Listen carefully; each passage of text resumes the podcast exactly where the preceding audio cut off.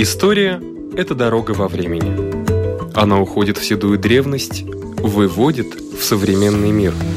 Она показывает, рассказывает, объясняет. И не перестает удивлять.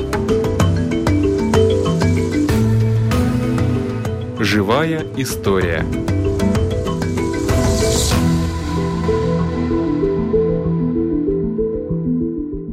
У микрофона Лидия Чера.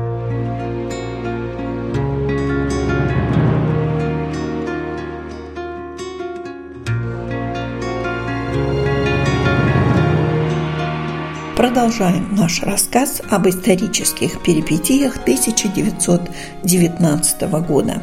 Заместитель директора военного музея Юрис Цыгановс. Петер Стучка, хотя и был верным ленинцем и верным соратником большевиков, и сам был, конечно, большевик, и один из первых народных комиссаров он был в Советской России, комиссар юстиции. И он не был сторонником провозглашения какой-то отдельной Советской Республики именно на территории Латвии. Он был истинным ленинцем, истинным большевиком, который мечтал о мировой революции и считал, что Латвия – это только промежуточный период, промежуточная территория, чтобы экспансировать революцию дальше на Запад. И поэтому так говорят, что Ульянов Ленин его даже уговорил здесь специально провозгласить Советскую Республику именно, не просто советскую власть, а именно какую-то Советскую Республику. То есть вроде бы что-то отдельное. Да. Но, конечно, всем было ясно, что Советская Латвия без Советской России, то есть без военной поддержки и без остальной поддержки существовать просто не может. Но нужно сказать, что сперва вот эту именно советскую власть, власть Петра Стучки, воспринимали с большими надеждами местное общество. Почему? Потому что Петер Стучка что сделал сразу? Все дело производства было переведено на латышский язык, и в школах все перешло на латышский язык. Коренное население То есть, было да, довольно То есть это было ясным антинемецким уклоном, может быть, даже чуть антирусским. Но большевики на территории Латвии переусердствовали в том направлении, что за 4 месяца они потеряли все доверие местного населения и все доверие общества тем, что все делали наперекор желаниям населения Латвии. Именно что желал латышский крестьянин? Латышский крестьянин желал землю. Землю в свою собственность. Местный крестьянин мечтал о том, чтобы ликвидировать засилие немецкой аристократии. Во-первых, поделить их большие наделы земли в немецкой аристократии. Большевики это не сделали. Они всю землю объявили государственной собственностью. То есть крестьянину не досталось ровным счетом ничего. Во-вторых, репрессивная политика, которую общество не воспринимало и не понимало. Ну, ладно, где-то можно было понять то, что первым же своим указом советское правительство Латвии объявило вне закона всех лиц немецкой национальности здесь. В указе были сказано, что они подлежат уничтожению. Общество должно быть без немцев. Пока война, их нужно как-то нейтрализовать, то есть их заключали в концлагеря. Они назывались по-иному, но фактически это были концентрационные да. лагеря с функцией концентрации, не с функцией физического уничтожения. Во-вторых, вне закона было объявлено несколько слоев общества, которые в том понимании были довольно такие уважаемые, то есть духовенство, интеллигенция, а, ну. То же самое, что в Советской России. То есть уничтожались по Классовые классовому признаку. Да. да. Эта политика репрессий оттолкнула, и земельная политика, и политика репрессий оттолкнула от советского правительства до той степени, что в мае, когда пала Рига, когда немецкие и латышские части заняли э, Ригу, у правительства Стучки больше не было никакой поддержки в обществе. То есть советская армия начала разваливаться, Солдаты начали массово переходить на сторону национальной армии, то есть через линию фронта. К тому же это начали делать и латышские стрелки, те же самые легендарные, которые включили в состав армии Советской Латвии. То есть, идя сюда, они не знали, не представляли, ни против кого они будут воевать, ни что тут происходит, ни что такое это национальное правительство Уманис. Они шли освобождать свою землю от немцев. Но когда увидели, что тут происходят вот такие дела, что правительство большевиков не соответствует их пониманию о правде том, что здесь было, что тут надо делать, армия Советской Латвии начала таять. И поэтому в середине 1919 года всех латышских стрелков из Латвии убрали. Дальше они сражались на фронтах гражданской войны в России. То есть воевали против Колчака, против Деникина, брали Перекоп. То есть Латвии они не остались. И так далее. И так, да, да, именно. И в результате успешной военной операции 22 мая 1919 года была занята Рига. И можно сказать, что с этой даты альтернатива социалистического, большевистского развития советской Латвии, в принципе, и закончилась. Полгода. И, да, примерно. И дальше очень четко образовалась третья альтернатива развития какой-то формы государственности здесь, на территории Латвии, а именно пронемецкая. Ну, нужно тогда идти чуть-чуть назад. В то время, когда пала Рига, когда красные заняли Ригу, правительство Карлоса Уманиса в спешке отходило сперва в Ялгово, потом в Лепаю. Военной силы, которые поддержало бы это правительство, практически не было. Из Риги вместе с правительством ушли где-то примерно 200 солдат. Потом это правительство обосновалось в Лепае и начало интенсивно искать себе поддержку. Было ясно, что не было военного потенциала, что использовать. И поэтому нужно было пойти на вынужденное сотрудничество с местной немецкой военной администрацией. 7 декабря был заключен договор о образовании латышско-немецкого вооруженной силы, которую называли Ландесвер, то есть ополчение. И можно сказать, что с конца января 1919 года постепенно военные формирования и национальных вооруженных сил, то есть те, которые находились под контролем правительства Карлоса Умниса и немецкой военной администрации, начали расти. И с начала февраля уже имело место постепенное освобождение территории Латвии от большевиков.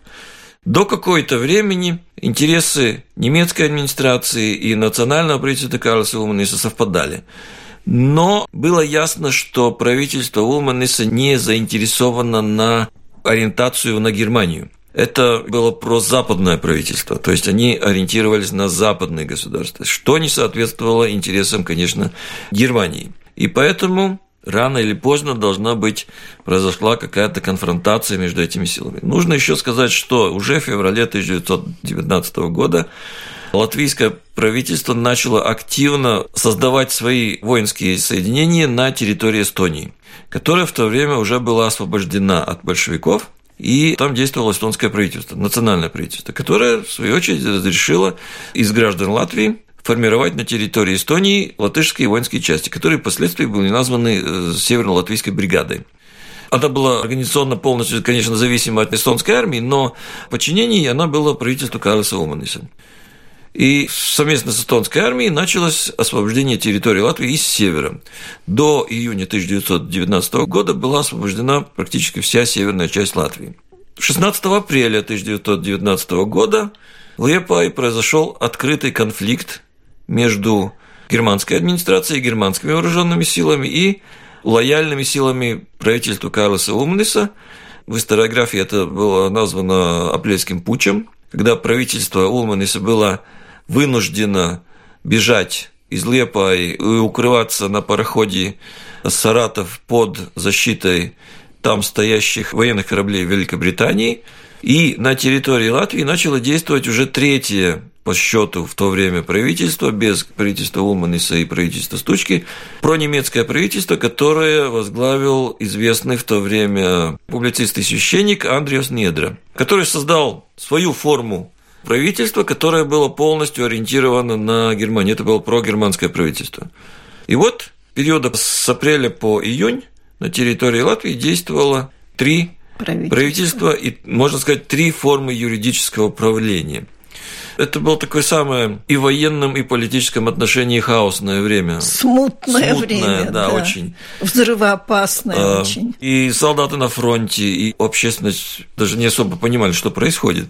После освобождения Риги те немецкие части, которые находились на передовом участке фронта против большевиков, прогоняя большевиков с территории района Риги, вступили в прямое соприкосновение с эстонскими вооруженными силами под Цесисом. Большевики отступили в Латгалии. То есть военная ситуация в Латвии в июне 1919 года сложилась таким образом, что половину Видземе и всю северную Латвию занимали эстонская армия, в число которых вошли Северо-Латвийская бригада. В Латгалии до сих пор находилась Красная армия, которая не принимала на тот момент никаких активных действий. А на остальной территории Латвии действовала смешанная латышская, немецкая военная администрация и государственная администрация тоже. Но, конечно, в этой администрации доминировал немецкий фактор. То есть военная сила находилась на стороне немцев. В планах Германии входило и дальнейшее продвижение на север – но которой очень противилась эстонская сторона. И дело дошло до открытой конфронтации между этими силами, которые мы знаем как бои Бацессом. Июнь 1919 года. В результате этих боев эстонская армия с помощью отдельных частей северо-латвийской бригады немцев разбила. И 22 июня победа под Цессисом в Эстонии это отмечается как День Победы в освободительной войне – в Латвии до 1934 года это называлось День памяти героев. Немцы разбиты. 3 июля 1919 года был заключен сразу-мужеское перемирие, которое предусматривало, что вся немецкая армия из территории Латвии будет вывезена. Что не произошло, потому что это не соответствовало немецким планам. Ну, правительство Недры само ликвидировалось, в Ригу с триумфальным шествием возвратился Карл Суман со своим правительством. Северо-латвийская бригада объединилась с Южно-латвийской бригадой, образовалась единая латвийская армия с единым управлением и с единой структурой организации и организации снабжения. Вроде бы все шло очень хорошо, но единственное, что немецкая армия не уходила. И тут подвернулся такой счастливый случай, чтобы обойти вот это вот сразу-мужеское перемирие, чтобы немцы пытались не раздражать западные страны своим военным присутствием здесь, подвернулся хороший случай, что в Ялгове появился русский военный авантюрист, самопровозглашенный полковник Павел Бермонт. Человек с довольно темным прошлым. Он собрал военный отряд, 3000 штыков из бывших русских военнопленных на территории Германии и, можно сказать, выклинчил финансовые и военные средства от Германии якобы с целью восстанавливать монархию на территории бывшей Российской империи. С такой целью он и прибыл на территорию Латвии, в Ялгову, и те немецкие военные части, которые оставались здесь, они в массовом порядке начали переходить в русскую службу, то есть вступать в армию Павла Бермонта. И очень короткий срок число бермонтовской армии достигло 21 тысячи человек – Павел Бермонт объявил себя командующим русской добровольческой западной армии и объявил, что во главе этой армии он будет начинать поход против большевиков с целью занять Москву и Петроград. Но, как он объявлял, что на его пути находятся полубольшевистские формирования Латвии и Эстонии. То есть они должны или эту армию пропустить через свои фронты и свои тылы, или он начнет их уничтожать. Было ясно, что бермонтовцы сюда так просто не уйдут, и поэтому началась открытые военные действия 8 октября. Армия Бермонта начала нападение на Ригу. И начался вот этот месяц, который мы знаем под периодом под названием Бермонтиада, который закончился 11 ноября разгромом Западной русской добровольческой армии под Ригой. И 11 ноября – это вот день Лачплэша, именно мы отмечаем. В этом году будет столетие этих событий. Постепенно, до конца ноября, бермонтовцы были из Латвии прогнаны, с боями, конечно, с очень тяжелыми боями под Ялгово, и под Лепо, и потом на территории Литвы, в Рокичке, по Невежице. Оставался один неосвобожденный край Латвии, это Латгалия, совместно с польской армией довольно успешная военная операция. Это было сделано в начале 1920 года, в январе, когда Латгалия была освобождена, и логически заканчивая войну за независимость, 11 августа 1920 года был подписан мирный договор между Латвийской Республикой и Советской Россией. Освободительная война закончилась, и после этого Латвия была признана международным сообществом как полноценное правовое государство в Европе в мире. Даже трудно представить, что во время этого хаоса все-таки у нас создавался университет, армия, понятно, это после 11 ноября тоже, но столько много, национальная библиотека столетие отмечает, и все это кажется кроме как воевать, чем больше не занимались, мирного строительства никакого и не было вроде. Да, конечно. Или просто перенимали из России вот эти вот все учреждения, заведения э, культурные перенимали. Э, республика 18 ноября была основана, можно сказать, на пустом месте. Не было никаких государственных структур, да. чтобы управлять этим государством. И, в принципе, до июня 1919 года военная политическая ситуация это и не позволяла. Министерства и учреждения создавались, но практическая их деятельность началась только после освобождения Риги. Даже не после освобождения Риги от большевиков, а после того, как в Ригу вошло национальное правительство Карлса Уманиса. Да, вот это вот есть и тот период, когда создавались все ваши названные вот эти учреждения и организации. Но надо сказать, что их деятельность полноправно можно было начинать только после освобождения военных действий, то есть после 1920 года. Естественно, что мы в этом году отмечаем столетие библиотек, оперы, музыкальные, да, консерватории, да, да, да. консерватории, но, а, Академии художеств. Но до лета 1920 года они действовали, ну, можно сказать, в таком спящем режиме. Так. А потом полноправно это уже после наступления мирных времен Спасибо большое за такую всеобъемлющую лекцию по поводу 1919 года. У нас в студии был заместитель директора военного музея Латвии Юрис Цыгановс.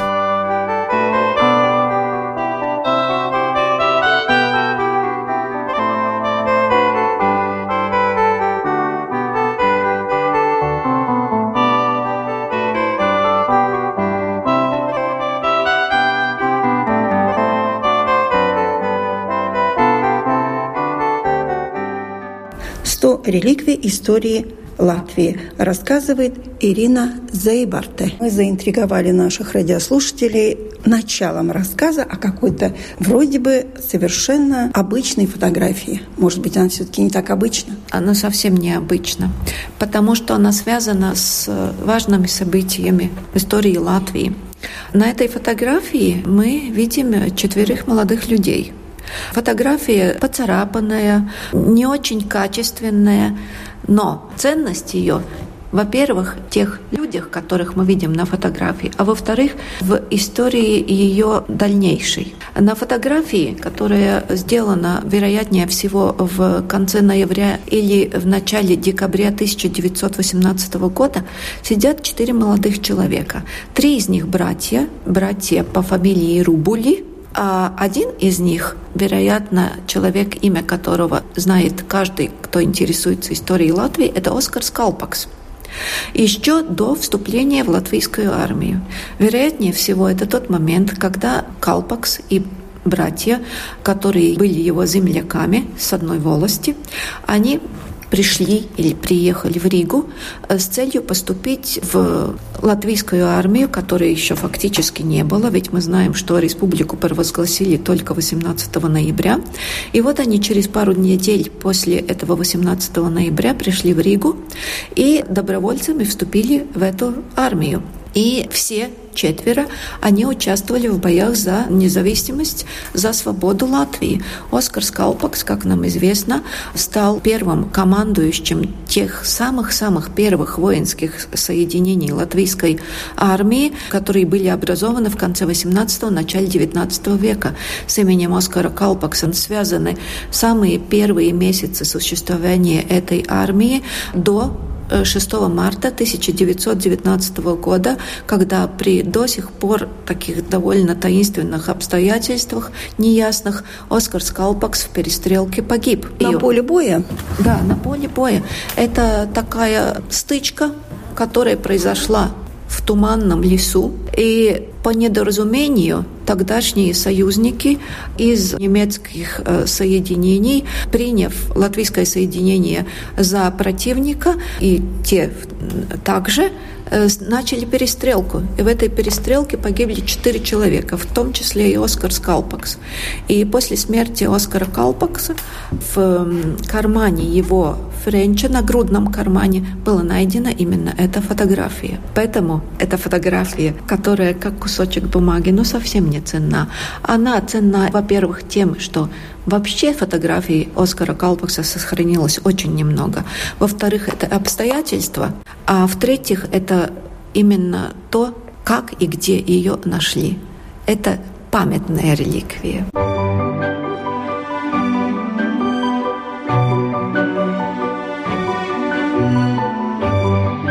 Сто лет Национальной библиотеки. Программа «Живая история» предлагает цикл сюжетов о раритетах, которые там находятся. Итак, заглянем в хранилище редких книг.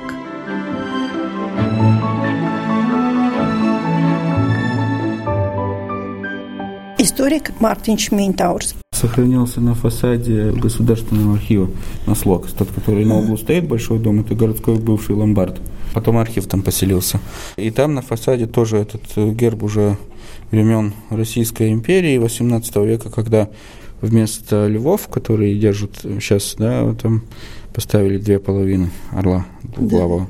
Да, это орлы были. Ну что ж, мы начали уже разговор угу. о календарях. И да. Мне выпала такая честь, я держала только что в руках маленький календарь 1800 года. Да, карманного формата.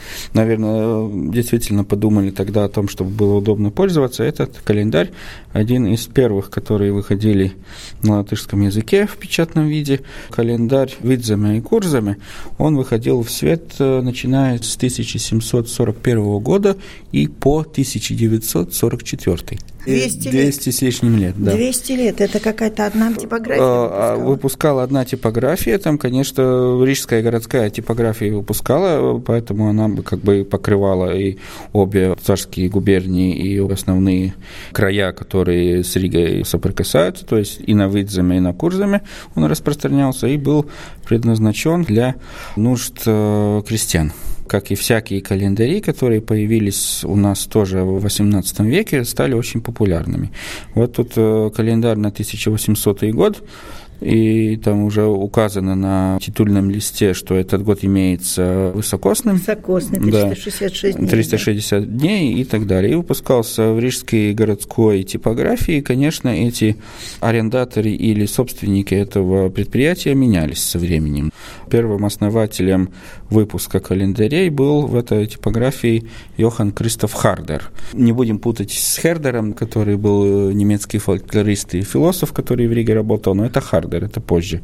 Это местного происхождения, тоже балтийский немец, который и пастырь по своему образованию и призванию. У него появилась эта идея, что надо выпускать на латышском языке календари для нужд местных крестьян. Что это значит? Это значит, что там календарная часть э, тоже со всей астрономической информацией, то есть фазы Луны, которые соблюдаются при посеве mm-hmm. и при сельском хозяйстве вообще, указывается, что будет даже дождь идти на Пасху на 1800 год на Пасху будет дождливая погода. А как это можно? Как они это определили, не знаю, потому что такие метеорологические прогнозы, они же появляются намного позже, они появляются где-то в начале 20 века. Когда Пасха была в 1800 Пасха была, году? так, сейчас апрель и... 8 апреля? Да, 8-9. Почти ну. как в этом году. Неделя разницы. Да. Ну, это календарная часть. А здесь лапс, лайкс тоже Laps, почему likes, написано? Май, 31 день. Лапс лайкс, хорошая mm. погода. Но это они, наверное, определили по тем э, знакам, которые сейчас соблюдаются в природе, и, значит, это была какая-то обратная связь с аудиторией, потому что они, конечно, эту информацию могли получить из тех же самых христиан, там можно следить по приметам в природе, какая будет а, зима, ну, да. каким будет лето, как там птицы летают, как там мокрость. Да, на, когда на, птицы на... улетают, когда прилетают. Да, да, да, да, да, и по всем этим тоже по природным по, приметам. По природным приметам. Это одна часть календаря. Потом, конечно, очень существенно было и важно для крестьян, когда пройдет торг ежегодный. И по разным Торги областям. скотины, в смысле? Да, в основном скотиной торговали. Тиргус Денес, вот отдельная часть календаря, и тогда по властям, по краям это распределялось. Да? Вот это я не могу прочитать.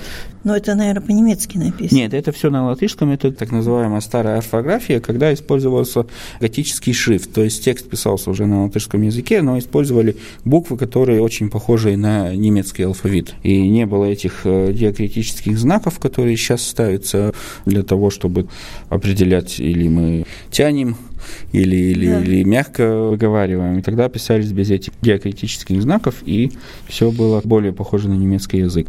А тут написано-то no tiem četriem gadsimtu laikiem, то есть ага. о тех о четырех времен, временах года. Временах года, да когда начинается весна, когда начинается лето и так далее, и так далее. Васара саkas 10. зiedu mēneša dienā, то есть лето начинается 10 июня. Зеду месяц это июнь. Тоже писалось как бы... Не с Лигу, а с 10 июня. Да, с 10 июня как-то. ну, тоже поменялось, ну, Что-то поменялось, да. Ну, там Земля может по-другому стоять по отношению к Солнцу может, что-то действительно поменялось. Но вот тогда описались, конечно, и параллельно и те названия месяц, которых мы сейчас используем, январь, февраль и так далее, и так далее, и писались те, которые были обыходные, то есть там зимний месяц, месяц свечей, февраль, да, и зеду месяц, это насчет... Месяц теней, это ноябрь, наверное, very likes. Да, это уже после 10 ноября. Так, и тут по областям расписано, где, когда, а что проходит. 16 октября, 21 октября и так далее, и так далее. И еще одна такая занимательная вещь. Тоже в окончании этого маленького календаря отдельные статьи против суеверия и разных проявлений. Ну, например, что не надо лечиться самому, верить каким-то приметам, просто если вы где-то порезали руку при сенокосе или как, недостаточно того, чтобы просто повязали красным бантиком и оставили как есть, надо эту рану как-то обработать, чтобы там не было инфекции и так далее, и так далее. Тоже таким простым языком, чтобы было понятно для аудитории. Но то, что этот календарь продержался действительно 200 с лишним лет, значит, они умели как-то до аудитории добраться. И бумага хорошая. Ну, бумага хорошая, да, бумага. Это как раз та бумага, про которую писал еще Гоголь в XIX веке, сколько там тряпок ушло на бумагу на своих повестях. То есть это бумага, которая делалась не из целлюлоза, не из древесины, а из волокна. Из да. материала. Из материала, да, потому она и более тряпка. содержательная, она как да. бы лучше сохраняется. Не да. особо такая красивая, скажем ну, да, так, с, но практичная. Да, с какой-то окраской всегда, с каким-то оттенком. Чуть Про... голубоватая. Или голубоватая, или желтоватая, коричневая, всякое бывает. Такого белого чистого листа очень трудно было сделать, но зато она прочнее и более устойчивая. А увидеть этот календарь можно будет в библиотеке? Будет, будет, да, конечно, можно будет увидеть уже где-то в марте месяце этого года, когда мы поменяем основную экспозицию на первом этаже «Грамота Латвии», а там будет и образец этого календаря. А вы сейчас подбираете экземпляры? Мы сейчас, да, мы сейчас подбираем экземпляры, начиная со самых старинных книг и рукописных томов, которые там выставляются, и постепенно заменяем те экспонаты, которые простояли там уже год или полтора. Это тоже точки зрения сохранности материала должны через какое-то определенное время заменить одни экземпляры на другие. Но вообще-то, если про календари еще говорить, что их появилось в XIX веке очень много всяких видов. Выпускались календари, которые были как такие рекламные проспекты. Какая-то швейная фабрика выпускает свой календарь в Риге или где-то в провинции. Там тоже содержится вся информация, которая по астрономической части какие-то даже более-менее литературное содержание для развлечений, да, но в принципе это выпускается как от какой-то фирмы. Есть тоже один календарь, который вышел в свет где-то в начале 20 века, около 1910 года. Это календарь на латышском языке, он называется «Вечный календарь графа Льва Николаевича Толстого». Он содержит в себе разные афоризмы Льва Николаевича, и он выпускался, то есть, ну, есть такая астрономическая система, как вечный календарь, который можно использовать с одного года на следующий, на другой, да. на другой, который не меняется. Ну, вот кто-то придумал, и перевели это с русского языка на латышский, и выпустили где-то 10 года, около кончины уже самого графа Толстого, и выпустили такой как бы памятная книжка, вот «Вечный календарь» Льва Николаевича Толстого с афоризмом его. Бывает, что такие нововведения нравятся людям, и они завоевывают популярность, но вот «Вечный календарь» как-то... Да, как было не... время, да, и было интересно, а потом как-то интерес пропал, и мы любим календарь ежегодный. Да, это, наверное, естественно, потому что это все-таки отношение человека со временем. Если какой-то вечный календарь, то как бы время теряет не то что смысл, а именно ценность. Потому что сначала, как вы сказали, это интересно, и как это может работать, потом уже этот интерес проходит, и хочется, чтобы один год от другого все-таки как бы отличался по возможности. Ну, за это и население готово платить и покупать каждый год новый календарь, потому что там интересно, что там будет внутри. Много календарей в библиотеке, вообще много их. Может быть, можно поискать дома и найти какой-нибудь календарь и принести вам? Да, можно поискать дома и принести. У нас есть это народная книжная полка, где принимаются такие книги издания, которые ценны для конкретного человека, он тогда может поставить здесь в Национальной библиотеке со своей дарственной надписью и с автографом, что это от конкретного лица, и в том числе там могут, конечно, попадать и календари. Но вообще-то в то время, когда еще календарей так много не было, и даже в XIX веке, в качестве календаря использовалась семейная Библия, которая была дома, и в которую занесли обычно карандашом где-то на этих свободных чистых листах или в конце, или в начале книги занесли как бы такую семейную метрику, кто когда родился, кто когда поженился из этой семьи и кто ушел в мир иной. Это тоже своего рода такой личный календарь получается. И такие записи есть и в Библиях 18 века, и в 19 века тоже. Такая своеобразная традиция. И календарь как бы выпускался уже или там городом, или правительством, или какими-то предпринимателями. Это уже надо было приобрести, покупать. А в семейной Библии можно было записать те даты, которые памятные и значимые для конкретной семьи. Это тоже там сохраняется. Время понятия философское. Ну, очень, да, и относительное. Да. Спасибо. У нашего микрофона был историк Мартинч Миндаурс. На этом наша передача заканчивается. Всего вам доброго.